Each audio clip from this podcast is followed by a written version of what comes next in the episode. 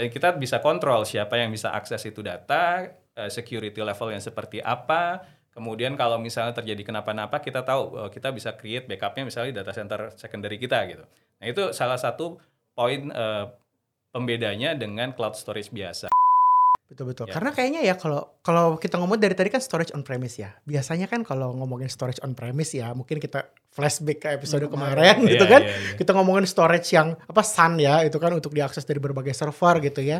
Terus biasanya kapasitasnya besar. Terus enggak ya yang akses biasanya server gitu ya. Tapi kalau ini experience-nya bukan kayak gitu ya. Jadi Iya. lebih experience-nya seperti kita punya storage di cloud Benar. Tapi, tapi storage-nya on premise Iya. gitu. Jadi kelebihan apa kemudahan experience ini ya sama kayak kita pakai yang cloud search itu berarti kita bisa apa namanya bisa backup ke sana gitu Iya, ya. Bener ya? Dan Ah, lain-lain. bisa nge-sync gitu. Iya. Jadi eh, nama kenapa beda sama storage biasa karena dia ya karena dia lebih fokus ke filenya kita ya. Iya. Ke experience-nya user ya Benar. daripada performance dan kawan-kawan tadi Iya. gitu ya. Kalau dibanding yang lain ya yang Heeh, kemarin. heeh. jadi tapi kalau misalnya kayak gitu eh, ada gimana ya? Eh, maksudnya datanya on premise. Kita harus protect lagi dong. Maksudnya ya ini ya jujur ya kalau kita ngomong tadi kan eh, di awal-awal kita udah bilang nih kita ada punya laptop, punya perangkat terus perangkatnya kerasukan gitu ya. Iya. Terus ya sama aja dong kan ini perangkatnya sekarang on premise kan makanya tadi kita taruh di cloud biar ceritanya kita punya backup di cloud nih. Nah sekarang kita tarik perangkatnya ke on premise berarti kita harus protect dia dong. Nah, Ini kerjaan lagi nggak sih nih maksudnya nih gimana Nah, nih? Ini yang, yang cukup unik juga karena eh, yang kita pakai data apa namanya storage on premise ini cukup spesial dalam arti eh, secara teknologi berbeda dengan storage yang biasa. Storage yang kita pakai itu eh, teknologi namanya object storage. Jadi Hitachi Content Platform itu merupakan salah, salah satu teknologi object storage yang dimiliki oleh Hitachi. Eh, salah satu kelebihannya adalah dia punya data protection embedded di dalamnya. Dan satu hal yang kita bisa make sure bahwa di uh, object storage Hitachi Content Platform tadi itu kita bisa sebut sebagai immutable storage. Immutable. Apa itu? Immutable. Immutable itu apa? Eh, immute bisa itu kata dasarnya immune. Oh berarti. dari immune. Immune. Jadi Oh kira immute- immute. Ya, immutable Immune. storage. Jadi Immune. eh, bisa dibilang dia immune dari serangan eh, dari luar. Kenapa dia bisa dibilang sebagai eh, apa Immune. namanya immune? Karena dia vaksin bukan? Kayaknya dia udah tiga, tiga kali kayaknya. Bukan. Booster. Metodenya adalah dia begini. Jadi kalau di storage biasa, ketika Hmm. kita punya satu data, kalau misalnya kita eh, pertama kali create data itu, misalnya file A gitu kan, kita Skripsi, pertama create, skripsi. ya, skripsi, Skripsi. ya, skripsi A, eh, skripsi versi 1 gitu Nah. kan. Kita create, nah kemudian pas kita itu ah saya mau eh, revisi, tadi baru bab 1, sekarang tambah bab 2 gitu kan. Kita tambahin bab 2, kita nulis di file yang sama kan. Skripsi eh, versi 1 juga tapi udah ketambahan bab 2 gitu kan. Mm-mm. Nah, di storage yang sama itu biasanya dia akan nimpa data yang lama. Nah, iya, Pasti kan jadi gendut gitu dong. kan.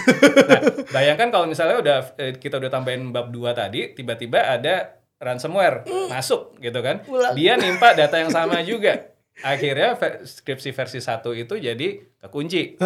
eh, bab 2 bab 1 2 kita hilang gitu kan. Itu dia.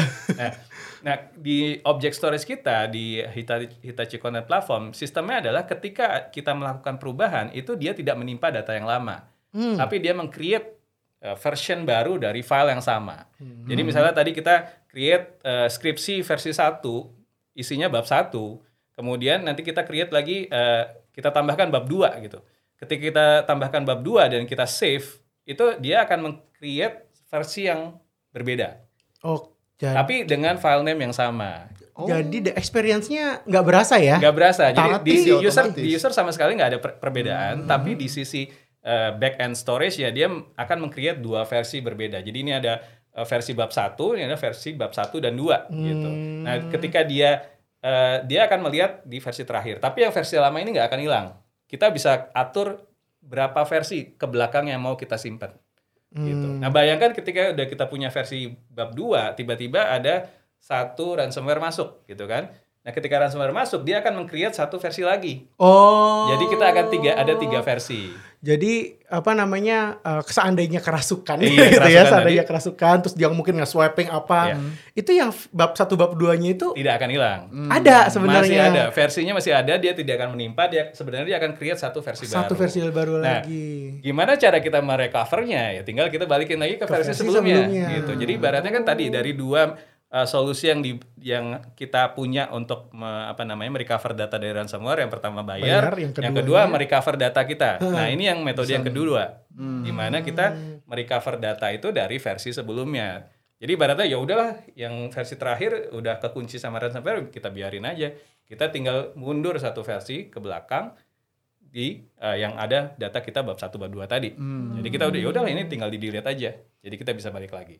Nah, itu semua yang bisa kita lakukan granular dalam arti semua data itu kita create versionnya. Semua data. Semua data. Jadi kan kalau misalnya ada ada storage yang eh, metode proteksinya adalah melakukan snapshot misalnya. Hmm, iya. Kalau snapshot kan itu point in time. Jadi setiap hari cuma ada empat kali misalnya. Nah, iya. Kalau itu enggak. Jadi misalnya kita mau lakukan data perubahan 10 kali dalam sehari, itu akan ada 10 version. Hmm. Dan itu tapi itu tidak untuk semua data, hanya untuk file tadi, spesifik Oke. file tadi. Yang Sesuai lain yang porsi tidak ya.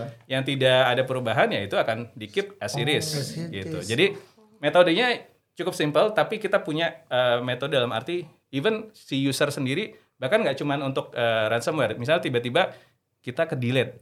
Nah, itu yang paling sering kan. Penyakit kedua yang Human paling error sering terjadi. yang paling error sering. nih. Ibaratnya kita mau nge-delete file A ternyata kita mau file B dan ternyata satu folder hilang semua gitu kan. Nah, itu pedih banget kan ibaratnya kan. Nah, itu bisa dilakukan seperti itu juga. Jadi ketika kita melakukan delete, itu kit- di, filenya nggak langsung hilang. Jadi filenya kita simpan sampai misalnya let's say kita keep sampai 30, 30 hari ya misalnya. biasanya. Jadi ketika misalnya kita eh, baru menyadari oh ternyata file ke delete, kita tinggal klik ada namanya eh, show deleted file. Dia bisa itu akan kelihatan file-file yang abu-abu kita bisa kembalikan. Jadi ibaratnya itu eh, sangat memudahkan kita apalagi untuk eh, pekerjaan apa file-file pekerjaan gitu ya. Itu bisa eh, mengembalikan file-file yang penting yang ternyata eh, tidak sengaja kita delete, kemudian tadi balik lagi ke misalnya ke ransomware tadi. Dan yang benefitnya yang pertama tadi apa eh, tetap datanya on premise. Datanya on premise, gitu. datanya apa aja tadi tidak bisa hilang Immutable. ya, immutable, ya. Immutable. Karena kalau misalnya amit-amit ke delete, amit-amit kena virus, kena ransomware, ditawan penjahat gitu ya. Bisa di restore. Ah, datanya ya tetap ketulis mungkin ya, Iya. tapi bukan data yang punya kita, dia versi baru gitu ya. Jadi Itu teknologi namanya versioning kalau Versioning, di ya. object, di ho- object storage Hitachi. dari sisi object storage namanya versioning, tapi nama storage-nya dibilangnya immutable. Iya. Immutable-nya ada imun ya. Ya. Jadi betul. eh, kalau misalnya sobat berkawan eh, takut ya. Biasanya kan awal-awal selalu kita takut ya. Aku Iya. kalau kalau ngomongin IT ya sama sobat berkawan itu awal-awalnya pasti takut. Pasti Hmm. ada ada greget-greget apa gitu. Nah, kan tadi kan kita udah bahas tentang ransomware ya. Iya. Jadi ransomware itu gregetannya karena data kita terancam terculik gitu ya, terus didor gitu kan. Tapi kalau misalnya pakai solusi yang immutable tadi, Hmm. ya data kita ada, ya mungkin ada sih data ransomware-nya tetap Iya. ada. Tapi ya kalau bisa kita mau buang, bisa kita tinggal tarik ke versi sebelumnya gitu Iya. ya. Ini solusi yang sangat ya kembali lagi ke yang tadi Peace awal. of mind. Peace of mind. Bisa, Pak. Peace of mind. Jadi dengan teknologi apa ya Hitachi Content Platform, platform anywhere. anywhere gitu ya. Oh oke, mungkin uh, sedikit aja aku simpulin lagi ya. Jadi kalau misalnya sobat berkawan gitu ya kena ransomware, datanya ditawan, terus uh, datanya perusahaan gitu ya, data atau mungkin data rahasia negara gitu ya. Uh, ada dan tadi ada dua opsi ya. Ya. Kita mau bayar uh, tebusannya atau kita mau selamatkan da- setidaknya backupannya gitu ya. Nah, kalau dari solusi Hitachi Vantara Indonesia itu ada namanya Hitachi Content Platform Anywhere. Jadi anywhere-nya bukannya datanya di mana-mana gitu ya karena ya ada isu dengan policy compliance di Indonesia di mana mungkin nggak boleh kita sembarangan taruh data di cloud ya karena cloud storage kan lintas negara gitu dan itu biasanya ya nggak mungkin lah ya kita pakai diterapkan untuk seluruh jenis pekerjaan data pekerjaan kita. Nah jadi sobat berkawan nggak usah worry karena Hitachi Content Platform ini on premise datanya bisa ditaruh di data center eh, data center eh, sobat berkawan atau mau dititip di provider selama di Indonesia gitu ya. Dan itu juga ya secara compliance oke, tapi secara experience nih ya ternyata Iya. tetap enak dipakainya karena rasanya seperti punya cloud storage gitu ya. Jadi ada sync-nya, ada backup-nya. Dan tentunya yang bikin peace of mind itu karena storage-nya immutable. Iya. Jadi kalau immutable itu uh, data kita nggak akan hilang. Ini kayak jadi 100% data nggak akan hilang juga ya. Ya, 100% data Iya, availability lagi. 100% data availability juga. Jadi eh, kalau misalnya kena ya nggak cuma kena ransomware ya, ke delete gitu Iya. ya, atau kena virus yang lain, datanya rusak, korup gitu ya. Setidaknya versi sebelumnya masih ada. Benar. dan itu bisa di recover akhirnya kita nggak kena problem dan nggak kena aduh eh, lagi banyak-banyak fire-fire gitu ya. jadi datanya kita, oh kita masih ada datanya masih bisa dibalikin gitu ya. Jadi tidak ada data yang hilang. 100% data garanti ya. Wah ini luar biasa banget udah Mas seluruh produknya Hitachi tuh 100% semua. 100% 100% ya asal availability. ikutin best practice. oh ya satu lagi mungkin yang yang kita perlu bahas juga kan tadi data kita nggak cuman yang kita punya di laptop doang gitu kan. Kalau kita berbicara mengenai data perusahaan ada juga data-data yang kita simpan tadi di storage kita Hmm, kan. betul, Di betul. storage, di server, kemudian eh, di file apa NAS share gitu kan. Nah, itu gimana cara kita memproteksinya dengan file yang dengan metode yang sama gitu. Nah, itu bisa juga. Bisa juga. Oh, Jadi kejadian yang tadi saya ceritakan di salah satu perusahaan itu kejadian adalah dia tidak hanya meng- me- apa namanya menyerang eh, file karyawan, tapi juga file-file yang ada di server. Akibatnya ada beberapa aplikasi mereka yang down untuk beberapa waktu gitu kan. Nah, metode yang sama kita bisa aplikasikan juga dengan eh, data-data yang di server dan juga di storage untuk database, kemudian data aplikasi segala macam. Kita bisa tarik dengan metode backup. oh. Jadi kita melakukan oke. metode backup, kita men- melakukan metode snapshot. Eh, met- media yang digunakan sama. Kita menggunakan immutable storage juga, Hitachi Content Platform Hmm. Sama-sama juga, pakai sam- HC- Hit- HCP tadi, Content platform itu Hitachi ya. Content Platform. Eh, karena tadi metodenya dia menggunakan immutable, kemudian kita melakukan versioning, jadi dia prone apa namanya tahan terhadap serangan dari luar. Jadi setiap ada backup yang masuk dari server, dari aplikasi itu dikumpulin di sini sebagai sebuah pertahanan terakhir ibaratnya gitu kan. Iya. Pertahanan terakhir. Jadi kalau misalnya kenapa-napa Networknya udah jebol, networknya udah firewall-nya udah jebol, semuanya udah jebol. database udah nggak bisa diakses, ya mau nggak mau Setidaknya- kita masih ada satu golden copy. Golden copy. Golden copy untuk bisa menyelamatkan hidup kita dan perusahaan kita. gitu. golden copy ya. Iya. Tapi uh, istilah golden ini bagus sih. Jadi karena memang ya itu solusi yang paling terakhir. Iya. Kalau semua yang udah lain tidak bisa ngelawan, Masih ada nih jurus Masih pamungkas ada lah jurus istilahnya. Jurus Pamungkas ya, pamungkas. Karena ya. kebanyakan sekarang eh, ransomware udah cukup pinter. Nah, itu dia dia. nggak dia nggak hanya menyerang eh, data source-nya, Mhm. tapi juga data backup. Wih. Jadi misalnya, oke si IT udah kepikiran nih, ya udah semua data data karyawan, data database, semua VM kita backup semua. Backupnya Gitu. diisi di arsip. Backupnya diisi di arsip, beberapa- tapi backupnya masih di file juga. biasa. Nah, itu eh dia. sorry di di storage Iya, biasa. di storage biasa, di kan. block storage, di NAS storage, di mana dia tidak punya Immutable. eh, fitur immutable storage tadi. Itu yang membedakan berarti. Itu yang membedakan. Jadi ketika dia sudah punya backupnya, nah si si ransomware yang bikin ransomware selangkah lebih maju. Dia nggak hanya menyerang data source tapi data Backupnya backupnya semua. juga. Jadi ini makanya salah satu tekno- eh, salah satu teknologi dan juga eh, metode yang dimiliki miliki oleh Hitachi best practice-nya adalah kita punya golden copy yang kita simpan di immutable storage tadi. Oke, jadi Kebal berarti Kebal. storage-nya. Kebal terhadap semua serangan gitu. Tapi emang ya itu sih agak-agak serem ya. Jadi eh, banyak ya eh, sobat berkawan pasti udah consider nih buat bikin backup di CDRC. Alasannya ya kalau mati satu masih ada yang lain. Iya. Tapi kalau kalian ternyata. semua ternyata lebih sakti ya. Iya. Kita udah baca cadangannya dihajar juga. itu dia kejadiannya seperti itu kejadian. Tapi memang ya itu ya kita berarti memang harus sobat berkawan ya harus consider ya harus consider semacam uh, jurus pamungkas gitu ya jurus pamungkas untuk membuat satu golden copy ya dari semua aplikasi ataupun data yang dimiliki sama perusahaan ataupun data pribadi sobat berkawan gitu ya dan ini uh, solusinya ada di Hitachi Content Platform. Yes. Nah itu immutable. Immutable. Immutable. Jadi fuck, mungkin dia boosternya udah 15 Iya. kali. tapi bukan bukan masalah di vaksin booster ya, tapi dia datanya tidak apa namanya tidak pernah membuang yang lama ya. Ya. Jadi dia selalu versioning. Dia akan bikin yang baru lagi, bikin yang baru lagi. Kalau ada penyakit dibikin baru lagi. ada penyakit lain baru lagi ya. At least kita bisa cari yang sehat ya. Iya, Kalau badan kita nggak bisa gitu sih.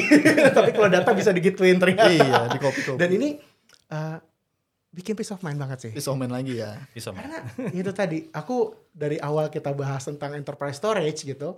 uh, kita ngomongin storage yang besar-besar, canggih-canggih gitu ya. Tapi terus ada penyakit-penyakit ransomware, hardware, trojan dan kawan-kawan itu juga kadang-kadang bikin gregetan gitu ya. Tapi dengan adanya Hitachi Content Platform yang immutable gitu yang uh, apa namanya selalu memberikan 100% data availability buat sobat berkawan. Jadi sobat berkawan bisa punya peace of mind, nggak usah ragu lagi buat uh, mau pakai storage yang memang benar-benar berteknologi ya, bukan storage yang maaf nih cuman hard disk. Atau ya beli SSD terus ditumpuk SSD-nya banyak sampai 50 petabyte tapi kalau nggak ada teknologinya buat apa gitu ya. Mau punya IOPS 33 juta pun mungkin kalau nggak ada teknologi security reliability availability juga buat apa. Ya. ini sharing yang sangat luar biasa sangat membuat aku peace of mind ya. Jadi sobat berkawan kalau pengen punya ya pengen pengen nyimpen data gitu ya. Pengen pengen punya data yang secure available reliable dan immutable Immutable. consider untuk go dengan Hitachi Vantara Hitachi konten platformnya. Hitachi Vantara ada apa aja kemarin kita bahas ada VSP ya untuk storage-nya terus juga ada e-series untuk yang ya sobat berkawan yang mau starting small dan tentunya kalau sobat berkawan pengen yang bener-bener punya secure punya golden copy jurus pamungkas ya consider dengan immutable storage dengan Hitachi Content Platform Wah ini sharing yang luar biasa banget dari Bro Sony dan Bro Tian thank Thank you. Thank you. Thank you banget Sama-sama, ya. Ya. Sobat Berkawan kalau misalnya mau coba teknologi Hitachi Vantara mau dari yang VSP, e-series ataupun yang immutable ya tadi apa Hitachi Content Platform. Nah, itu sobat Berkawan bisa hubungi ke marketing@berka.co.id atau mungkin ya nanti bisa lihat ya sosial medianya Bro Tian sama Bro Sony gitu ya atau juga bisa ke saya. Nah, eh, sekian aja episode Teh Talk Berka Podcast hari ini. Nah, jangan lupa buat sobat berkawan yang belum like, komen dan subscribe. Nah, jangan lupa kalau misalnya sobat berkawan punya uh, sobat-sobat yang lain gitu ya, yang pengen punya peace of mind di dunia storage, jangan lupa share juga video Teh Talk Berka Podcast hari ini. Oke, kita akan ketemu lagi di episode selanjutnya. Bye. Bye.